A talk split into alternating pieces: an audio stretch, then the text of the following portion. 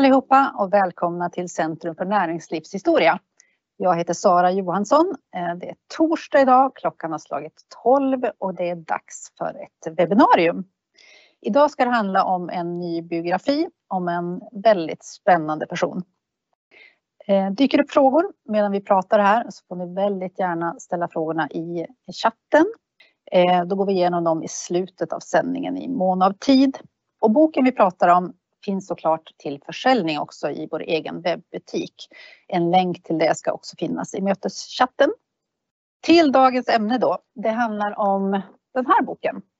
Matilda, historien om Indiskas grundare. Eh, som har kommit ut på vårt förlag, förlaget Näringslivshistoria alldeles nyss. Och med mig här idag har jag bokens författare Sara Sjöström. Välkommen! Tack så mycket! Du är etnolog, journalist och skrivhandledare på Högskolan i Skövde. Och nu är du också författare alltså. Ja. Hur känns det? Jätteroligt mm. såklart. Mm. Ja, det är stort. Om vi börjar lite kort bara först. Vem var Matilda Hamilton? Ja, hon föddes 1864 eh, i bruksorten Finspång och eh, började sin yrkesbana som missionär. Men sen så sadlade hon om helt och eh, blev entreprenör. Hon kom på idén att hon kunde sälja indiska föremål i Sverige.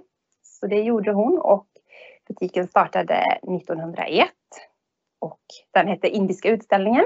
Och det var den då som senare blev indiska på 50-talet och som finns kvar än idag. Mm. Här ska vi se en bild på Matilda i hennes ungdom väldigt vacker gammal bild. En av alla bilder som finns i boken. Eh, hur fick du höra talas om Matilda Hamilton överhuvudtaget?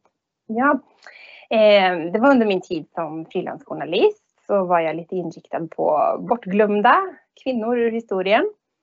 Och eh, då var det så att jag hade en kontakt på Etnografiska museet och eh, hon tipsade mig om att det hade kommit in ett stort fotoalbum som hade donerats till museet som innehöll bilder från Indiskas grundare då. Så det är tack vare henne som den här boken blev till. Ja. Det kan vi säga också att det är bilderna från det albumet som eh, bildsätter boken. Mm. Det finns väldigt mycket bilder och det är Matildas egna alltså som finns med där. Mm. Eh, vad var det med henne egentligen som fascinerade dig? Eh, jo men då åkte jag ju dit och tittade i det här albumet och det var ju liksom helt omöjligt att inte bli fascinerad för att det var ju, det finns bilder från alla hennes resor. Hon besökte 45 länder under sitt liv. Och det är bilder från jättemånga av de här resorna i albumet.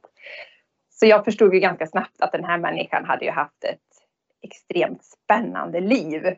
Så mm, det var liksom omöjligt att inte bli uppslukad av det. Hur gick du vidare då? Ja, eh, först så blev det en artikel eh, i populärhistoria och eh, men sen så tänkte jag att nej, men det, det verkar finnas liksom mer. Jag kanske kan försöka se om det kan bli en bok. Så då började jag nysta i, på alla håll och kanter och sådär och eh, fick fram tillräckligt med många källor så att det skulle kunna bli en bok.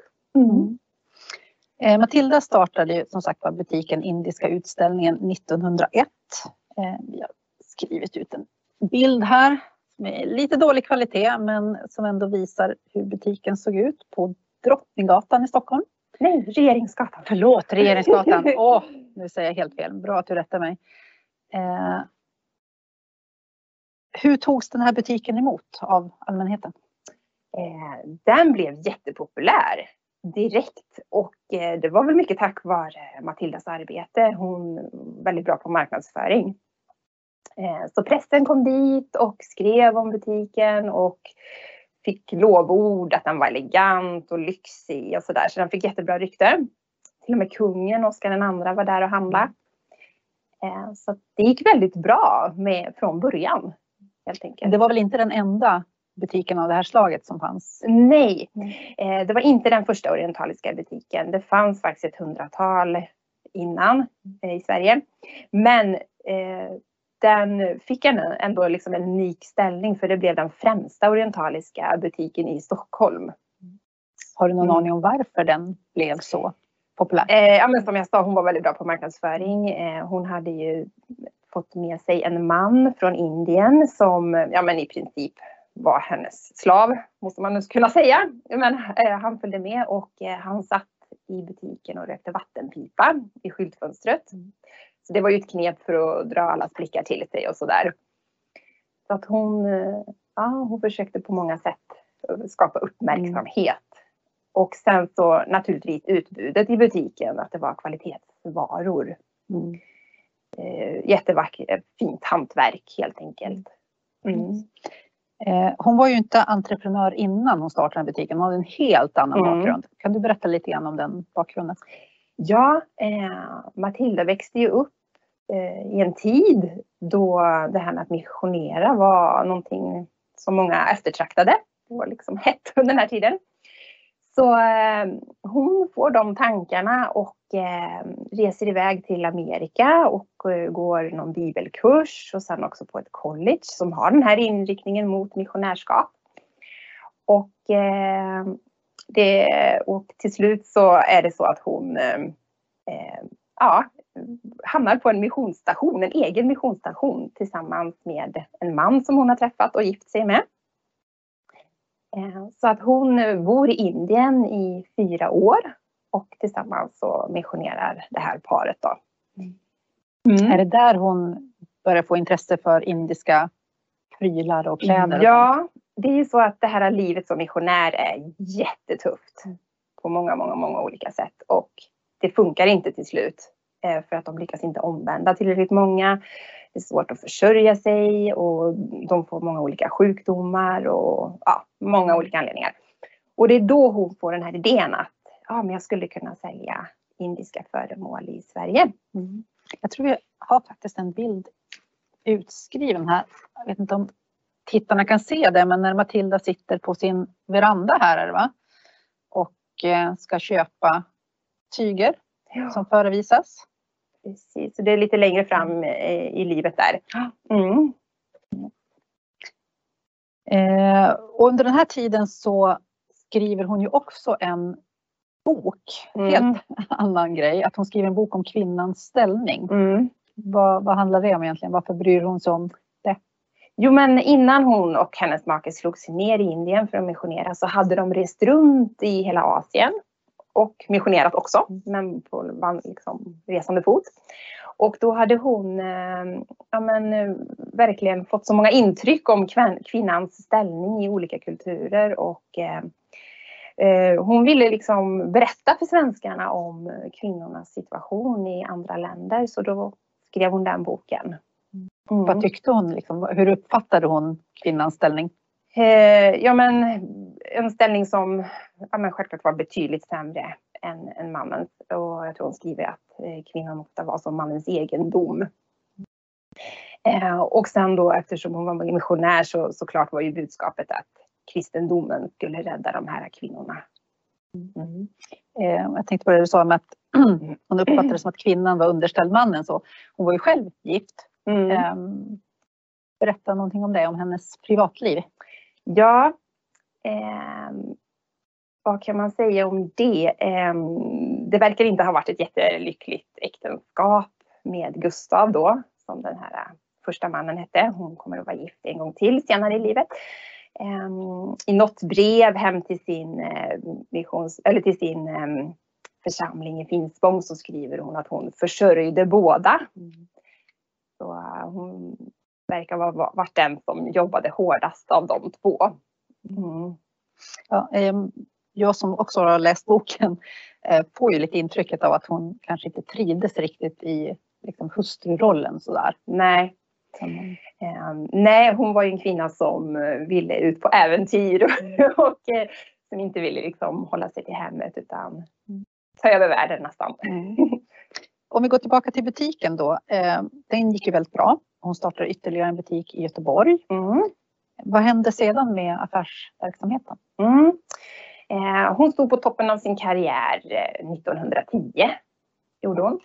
Men efter det så, så började det gå lite utför faktiskt. Eh, från Vad 19... är, vad är det som händer då? Ja, nej men 1911 så börjar den här butiken, Indiska utställningen, att gå sämre. Och eh, den här filialen i Göteborg, den är inte långlivad. Den eh, Eh, finns bara ett år. Eh, och sen är det också så att sen bryter ju första världskriget ut. Det blir tuffa ekonomiska tider. Det går heller inte att frakta eh, de här sakerna från Indien till Sverige. Och eh, köpkraften är ju inte lika stor i Sverige heller naturligtvis. Så att eh, det går egentligen bara sämre och sämre för varje år och 1918 så får hon sälja butiken då. Mm. Eh, du spekulerar också i boken om att eh, hennes dåvarande man eh, har lite dåligt inflytande eller han påverkar affärerna på något vis där.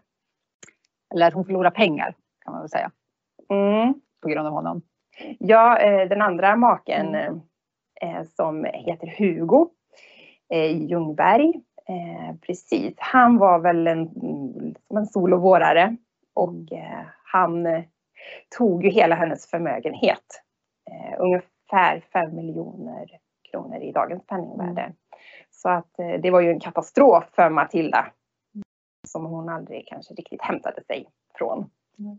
Hon blev ju som sagt var ganska förmögen på, på butiken och mm. kunde köpa sig ett vackert hus mm.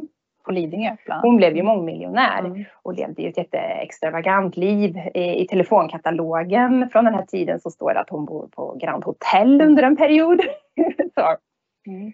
Och eh, precis köper en dyr villa på Lidingö. Men det gör hon faktiskt samtidigt som det har börjat gå sämre. Men hon eh, Eh, var ju också, hon fick ju senare i livet eh, diagnosen bipolär.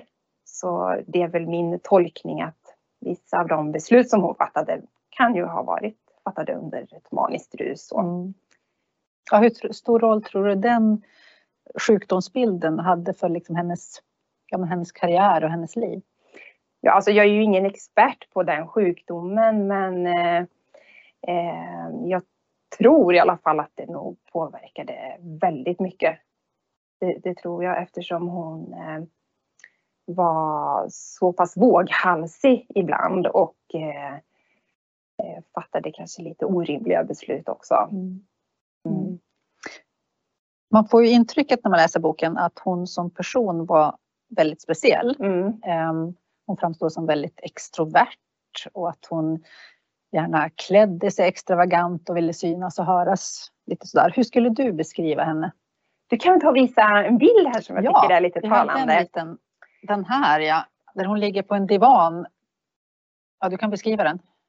Här har Matilda då klätt ut sig till en turkisk haremsdam och ligger här inne. Ja. Och eh, det står en vattenpipa där framför henne. Och eh, det finns ganska många sådana här foton i albumet där hon eh, ja, men också blandar olika kläder från olika länder. Och man får nästan intryck av att hon ja, men liksom klär ut sig lite och showar lite framför mm. kameran. Mm. Var, klädde hon sig så även liksom privat? Att hon, eh, eller var, var det för, för speciella tillfällen tror du? Det är ju faktiskt svårt att svara på för mm. att eh, de här fotograferingarna skedde ju i en studio oftast. Det, det, det är nog ganska svårt att veta. Mm. Mm. Finns det några, förutom att hon klädde sig extravagant och sånt, finns det någonting annat som liksom visar hennes eh, extravaganta sida sådär, i hennes sätt? Ehm, ja men hon, det finns ju några artiklar ur Dagens Nyheter som beskriver hur hon ja, kommer upp till redaktionen och berättar det ena och det andra och liksom vet, bara stövlar in där i sina kläder som sticker ut lite sådär. Mm. Så hon var någon kvinna som ja, men tog mycket plats och var orädd och modig. Mm. Du nämnde mm. tidigare hennes indiska medarbetare Gadju mm. som var med henne i princip hela hennes karriär eller hela hennes liv. Mm. Vad, hur stor betydelse hade han för henne och han kom med till Sverige också? Mm. Han följde ju med. När hon kom tillbaka till Finspång i slutet på 1800-talet så hade hon honom med sig. Det måste ha väckt uppmärksamhet. Ja, ja visst. Eh, han hade en sån lång hårpiska på ryggen så han måste ju väckt jättemycket uppmärksamhet i Finspång. Mm. Eh, och sen eh, arbetade han för henne många år. Jag vet inte precis när han avslutade det men det var nog ganska många år. Mm. Mm. Med hennes liksom, speciella stil så där, som hon verkar ha haft, både personlighet och visuellt. Hur tror du att hon skulle uppfattas idag om hon hade varit entreprenör idag? Eh, men väldigt, väldigt driven och kreativ och, eh, och den egenskapen är väl väldigt viktig om man är entreprenör att om någonting går dåligt så får man tänka om och komma på en ny idé. För det var hon ju bra på. Eh, men sen är det klart med den kunskap som vi har idag om, ja, om bipolaritet så tror jag att det hade man nog förstått att hon hade den diagnosen. Mm. För om vi ska gå och prata lite mer om det tråkiga, för det är ett tråkigt avslut ändå på hennes liv, hennes tillvaro. Mm. Eh, hennes sjukdom leder ju till att hon förlorar allt. Mm. Och hamnar till och med på eh, Beckomberga, mm. eller hur? Ja, det gör hon ju.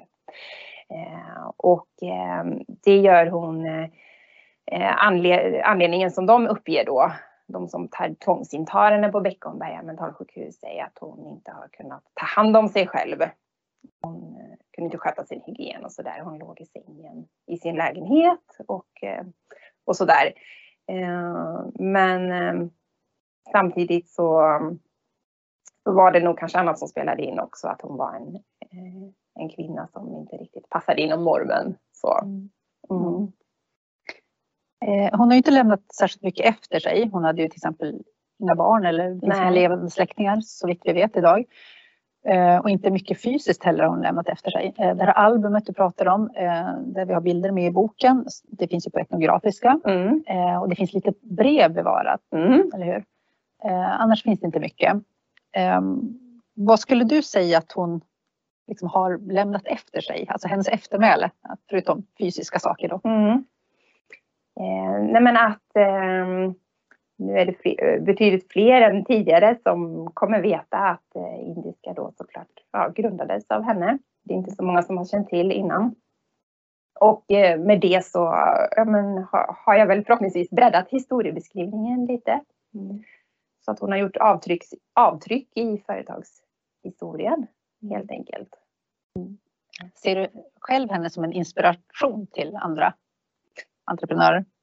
Eh, ja men det tycker jag. Just hennes eh, kreativitet och, och driv och sådär. Mm. Absolut. Ja. Mm. Det har ju inte skrivits om henne så särskilt mycket innan. Ehm, du har ju ändå gjort eh, väldigt mycket research nu och det har kommit fram en del saker som inte har varit kända om henne. Eh, varför tror du det har varit så att, att hon har varit ändå relativt okänd? Mm. Ja, men det är väl flera anledningar. Den främsta är väl att ja, men historien är ju främst männens historia mm. fortfarande.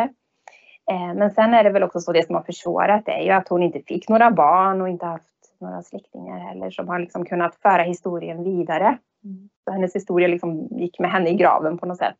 Mm.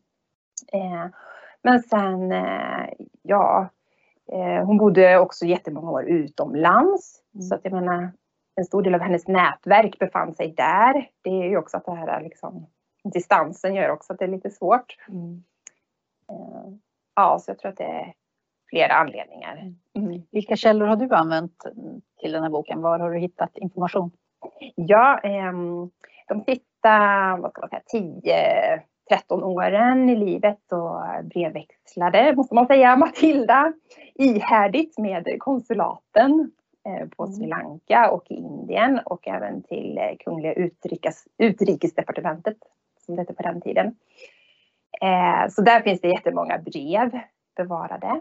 Sen finns det ju journaler från Beckomberga mentalsjukhus och några andra sjukhus. Och lite andra brev. Och eh, fotoalbumet naturligtvis. Ja, och lite annat.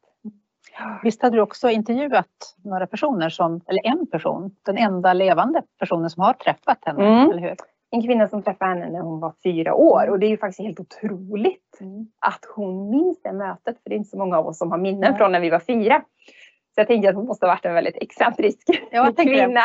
Vad fick henne att minnas? Liksom? Ja, Eh, nej men hon eh, hade också inte sett så mycket av henne. Det var liksom bara korta glimtar. För hon sa att hon hade väl kommit liksom till, till bordet på morgonen och ätit frukost. Men sen hade hon dragit sig undan och ville bara umgås med sin vän. Och sådär. Det var en vän till hennes...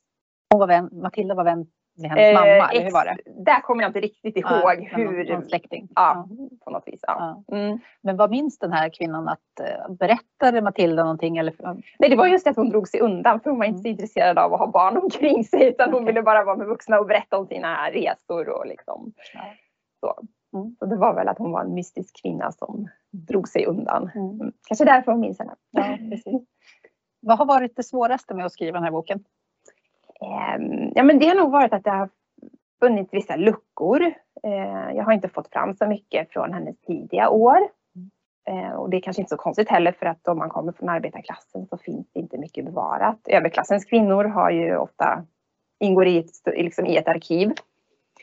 Eh, Och det var ju det som fick mig då att komma på den här idén att jag kunde skriva lite fiktiva stycken, de som Mm. är kursiverade i boken. Som Mm. är delvis fiktiva ska jag säga, inte helt. Precis, för det, det Ja. berättade vi inte innan, men varje kapitel startar med en, en lite fiktiv bit, bit Mm. där man får en känsla av hur hon tänkte och kände inför Mm. saker. Precis. Och det var ju för att eh, jag kände att jag, jag måste försöka, liksom, fylla ut lite så att hon blir en människa av liksom, kött och blod. Mm. Eh, så man kan få liksom en, en hel bild av henne. Annars Mm. hade det blivit lite knastertorrt tror jag. Mm. Mm. Ehm, hon som sagt var gick igenom både eh, mängd eh, toppar och dalar i sitt liv. Eh, nu när du har hela historien, så vitt vi vet i alla fall hela historien om henne. Vad känner du när du tänker tillbaka liksom på henne? Hur uppfattar du Matilda? Ja, men det är nog de orden som du sa där tidigare. Excentrisk och, och driven och väldigt, väldigt modig. Tror du att du Ja. skulle ha tyckt om henne om hon fanns idag? Eh, jag tror nog att hon skulle kanske kunna... Ja, men att hon tog nog väldigt stor plats. Det är inte säkert att det fanns så mycket plats kvar till de andra runt om. Så att eh, en hög energinivå. Det är inte säkert att man skulle orka vara i den liksom så länge. Hon skulle säkert vara fena på sociala medier. Ja, jag. Det skulle- tror jag. Jag tror hon skulle hänga där mycket. Mm. Mm. Ska vi se om vi har fått några frågor kanske? Från, då måste jag titta på min telefon. Och se om det kommit in någonting här. Från någon tittare. Det har kommit in massor med frågor. Oj, Ja, nu ska vi se här.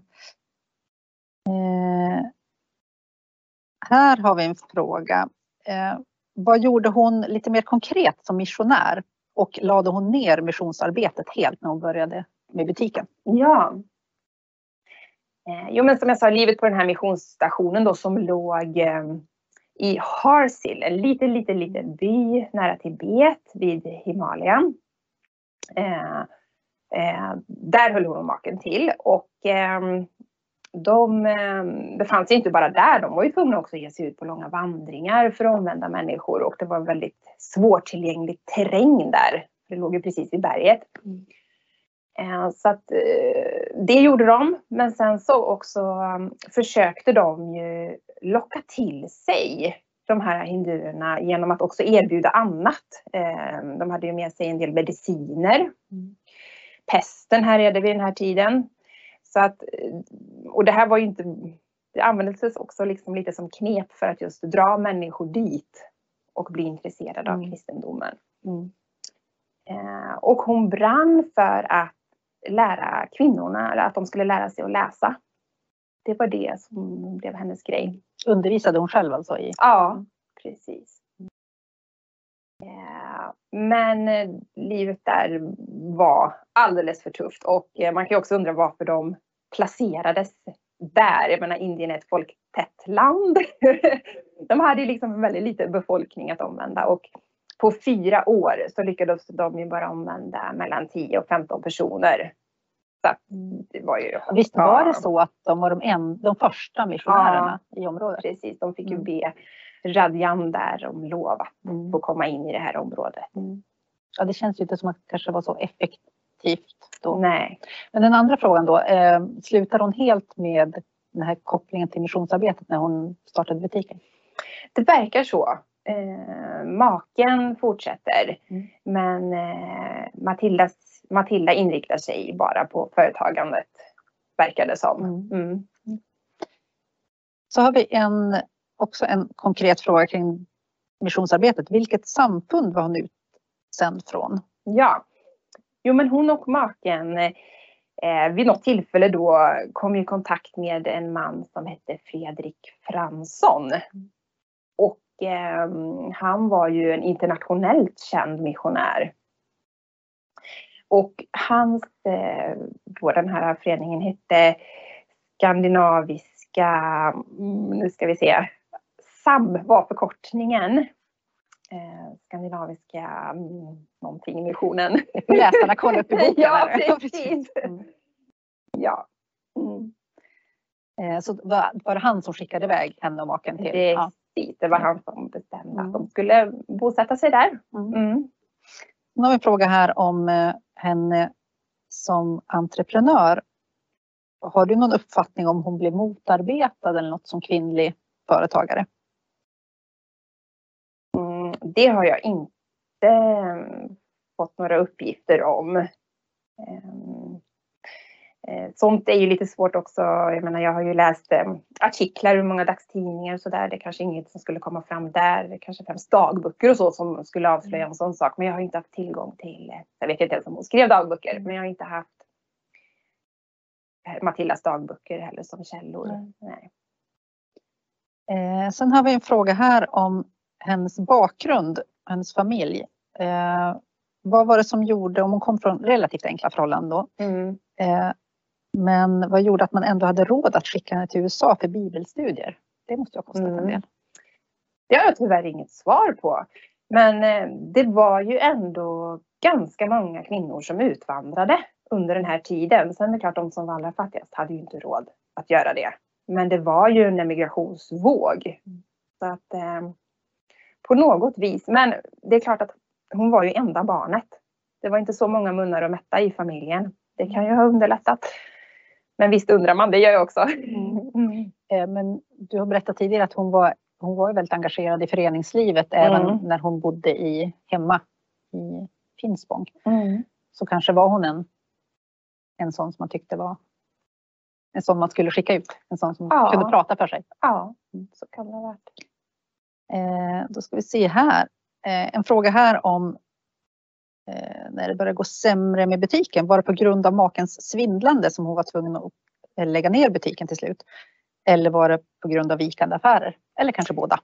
Eh, men det var ju också så att den här, eh, det är viktigt att komma ihåg att den här orientaliska inredningsstilen, den hade ju funnits ett tag redan när Matilda då startade butiken 1901.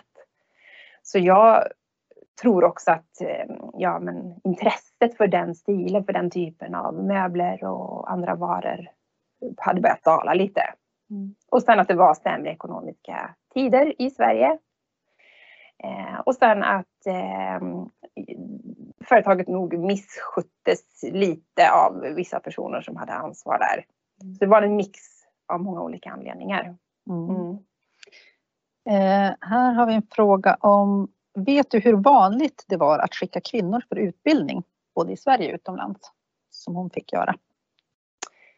Eh, ja, eh, tidigare innan Matildas tider så hade ju överklassens kvinnor alltid kunnat resa iväg på bildningsresor och så. Men det som hände då i slutet på 1800-talet var ju att arbetarkvinnor kunde ge sig ut. Eh, hur vanligt det var att de kunde utbilda sig utomlands, det vet jag inte, men många fick ju jobb i alla fall. Det är en typ av utbildning också. Men eh, så det var ju någonting, någon förändring som, som skedde där. Men just med, med utbildning, det vet jag inte, inte riktigt. Nej. Eh, här ska vi se. Eh, Lars Lönnroth har skrivit en bok om sig och sin släkts förbannelse, alltså bi- bipolär sjukdom. Eh, ingick Matilda i den Hamilton-släkt som blivit många författare men som också förgrenat sig till Lagerkrantz och Lönnroth-släkterna? Eh, det kan nästan jag svara på för jag vet att Hamilton är ett taget namn för henne. Ja, det är faktiskt en väldigt spännande del av hennes historia. Ja. Hon är ju född Strömberg. Mm. Men när hon träffar den här äh, första maken Gustav som är svensk-amerikan i eh, USA så, och de gifter sig så bestämmer de sig för att ta namnet Hamilton. För det var ju inte skyddat i USA som det är i Sverige. Och det där tror jag är, var Matildas idé rakt av för att hon förstod att det skulle liksom vara en väg in till de fina salongerna. Mm. Så med andra ord är hon ju ingen Hamilton-släkt, alltså blodsläkt. Sådär. Eh, sen funderar jag själv lite grann på nu när du har eh, boken ute mm. efter väldigt lång tid, lång, lång arbetsprocess. Eh, vad hoppas du ska hända? Vad hoppas du att läsarna ska ta med sig av den här historien? Ja, men att inte ge upp. Eh, men också faktiskt samtidigt inte driva sig själv för hårt. Eh, det fanns ju anledning till att Matilda gjorde det. Hon hade, det fanns inte det sociala skyddsnätet som vi har i dagens samhälle. Det fanns ju inte den här tiden så hon var ju tvungen att kämpa på. Mm. Men hon, eh, hon fick ju betala ett högt pris för det också. Hälsan fick stryka på foten. Så att, mm. Eh, men ändå att, att våga tänka nytt tycker jag också man ska ta med sig. Inte fastna i gamla spår utan om någonting inte funkar så får man komma på en annan idé. Mm. mm. Jag ska se om vi har fått in några fler frågor här. Eh, ja, det har vi. Eh, nu ska vi se här.